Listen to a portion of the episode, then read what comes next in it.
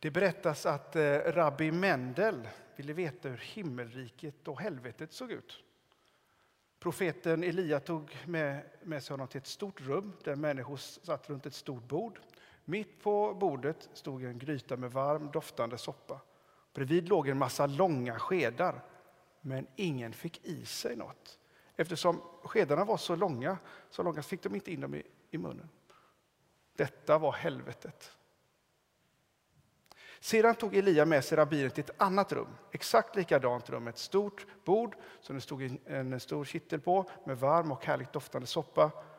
Runt bordet satt människor med likadana långa skedar, men ingen behövde svälta, för alla matade varandra.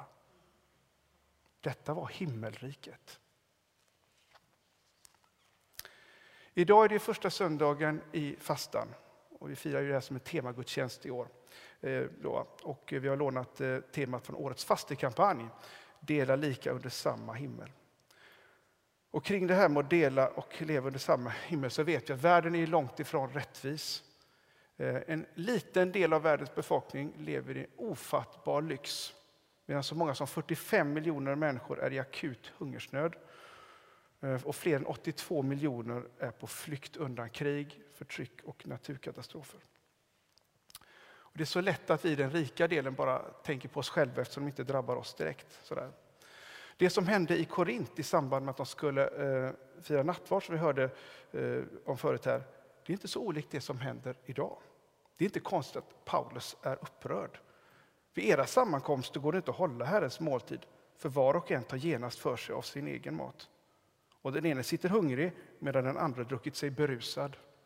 Bryr ni er inte om att detta är Guds församling ska de som inte har något behöva skämmas. Att bara roffa åt sig utan att bry sig om den andra, det är ju tecken på hänsynslöshet, kärlekslöshet. Jag ska bara ha mitt. Sen när det går för dig, det struntar jag fullständigt i. Och Det kan handla om mat förstås, det som hör till livets nödtorft. Men hänsynslösheten kan också ta andra former. Och en av de mest djävulusiska formerna eh, ser vi prov på just nu i Ukraina. Putin och hans armé angriper med full kraft Ukraina och mördar dess folk. Vi ska bara ha Ukraina. Det tillhör den ryska intressesfären. Och om någon utifrån försöker stoppa oss, då kommer vi att svara med kärnvapen. Det är det läget vi har just nu.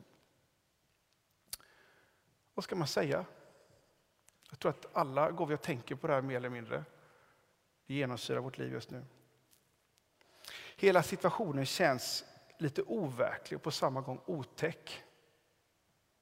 Och det är lätt att känna sig uppgiven i allt det här. Vad ska lilla jag göra åt det här?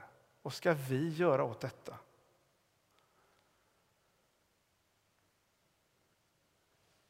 Ja, vi kan ju inte ge upp i alla fall.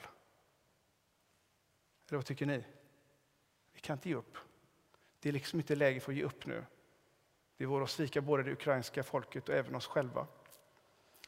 Och jag vill inte låta äppelcheck här, men vi måste våga tro och hoppas mitt i allt som är just nu. Och att hoppas, ehm, eh, det är ju på ett sätt, eh, det är inte att vara optimist. För en optimist han gör ju en glädjekalkyl.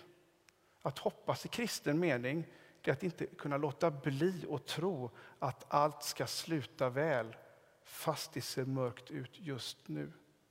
Att våga tro att Gud genom människor, också sådana som du och jag, att vi kan göra skillnad. Vi får i tro, hopp och kärlek låta Kristi ljus lysa genom oss så att vi med Guds hjälp i ord och handling kan låta Guds rike breda ut sig.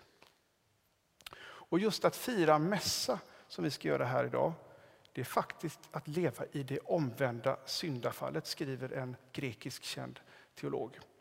Eh, alltså vi hörde förut den här gamla, urgamla vishetstexten eh, om de första människorna, eh, som man ska förstå symboliskt och inte bokstavligt. Det handlar i grunden inte om att de åt en förbjuden frukt, utan att de roffade åt sig och smög undan för sig själva. Vi struntar i de andra, vi struntar i Gud och vi struntar i de andra. Människan är skapad för att leva i kärlek, öppenhet och gemenskap och ömsesidighet. Men så lurades människan att tro att hon kunde ge sig själv liv, vara människa på egen hand utan andra och utan Gud. Istället för att ta emot mat, liv och gemenskap från Gud lurades människan att äta sin mat utanför gemenskapen. Det är berättelsen om splittringen som vi nu lever i. Urberättelsen. Splittringen blev faktum, mitt och ditt istället för vårt.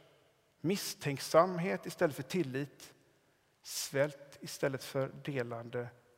Krig istället för fred. Död istället för liv. Och det är här som vi i nattvarden liksom gör tvärtom. För istället för att lyssna till de rösterna som vill få oss att stänga våra hjärtan och knyta våra nävar får vi lyssna till Jesu röst när han bjuder in oss till kärlekens och delandets måltid. Ta och ät, säger Jesus. Detta är min kropp som blir utgiven för er. Drick av bägaren alla. Istället för att roffa åt sig av maten, livnära sig utan Gud, så delar vi. Och eh, vi kommer sen under nattvardssalmen att bära fram påsar här och, med mat och förnödenheter. Och det är ett uttryck för att vi ska dela med oss och när vi gör det så händer något heligt. Vi hänger ihop. Brödet som vi bryter är en delaktighet av Kristi kropp. Så är vi, fastän många, en enda kropp. Ty alla får vi del av ett och samma Och I den tidiga kyrkan så tog man också med sig mat till kyrkan. Man tog med sig massa mat och så tog eh, diakonerna hand om vinet och brödet och så hade man det till nattvarden. Och sen, sen när gudstjänsten var över då delade man ut det till de fattiga. Och det är det vi gör varje gång vi tar in eh, kollekt. Idag lägger vi inte i en, en gurka i kollekthoven eller en tomat eller, sådär, eller en höna kanske. Utan vi swishar kanske eller vi lägger i en peng. Men principen är detsamma. Allt tillhör egentligen Gud. Det går vi fått av Gud och vi delar med oss av det genom kollekten. Eh, så därför kommer det bli ganska stökigt här framme hoppas jag med massa påsar och saker här. Så vi, får verkligen det här riktiga sambandet mellan eh, mässan och, att, eh, och det, att vi delar ut mat. Av ditt ger vi åt dig, låt dessa gåvor bli till välsignelse. Eh, och det är faktiskt det vi gör. Vi lever i det omvända syndafallet. Vi öppnar oss för himmelriket när vi lever i kärlek, ömsesidighet och delande. Och inget kan väl vara viktigare just nu, i dessa dagar, känner jag.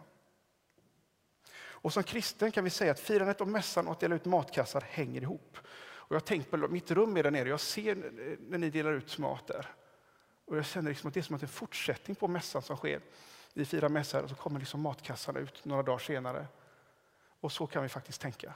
Det är en fortsättning på mässan och eh, på brödundret.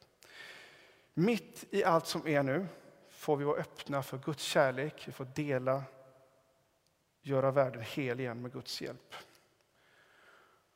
Och när vi nu delar med oss av förnödenheter till det ukrainska folket och till de som flyr för sina liv, så som vi ser på tv att många i grannländerna gör, och som många av oss här hemma också gör, då bryter himmelriket fram mitt i allt lidande. Jag kan inte låta bli att tro att det är så. Gud, låt oss därför alla på det sätt som just vi kan, med din kraft, få vara dina medarbetare. Låt oss leva i kärlek, gemenskap och delande. För då bryter ett stråk av himmelriket fram mitt i allt som är. Det berättas att eh, rabbi Mender ville veta hur himmelriket och helvetet såg ut. Profeten Elia tog med sig honom till ett stort rum där människor satt runt ett stort bord. Mitt på bordet stod en eh, gryta med varm doftande soppa. Bredvid låg massa långa skedar, men ingen fick i sig något eftersom skedarna hade så långa skaft att människor fick inte in dem i munnen. Detta var helvetet. Sedan tog Elia med sig rabbinen till ett annat, exakt likadant rum med ett stort bord som det stod en kittel på med varm och härligt doftande soppa. Runt bordet satt människor med likadana långa skedar, men ingen behövde svälta, för alla matade varandra. Detta var himmelriket.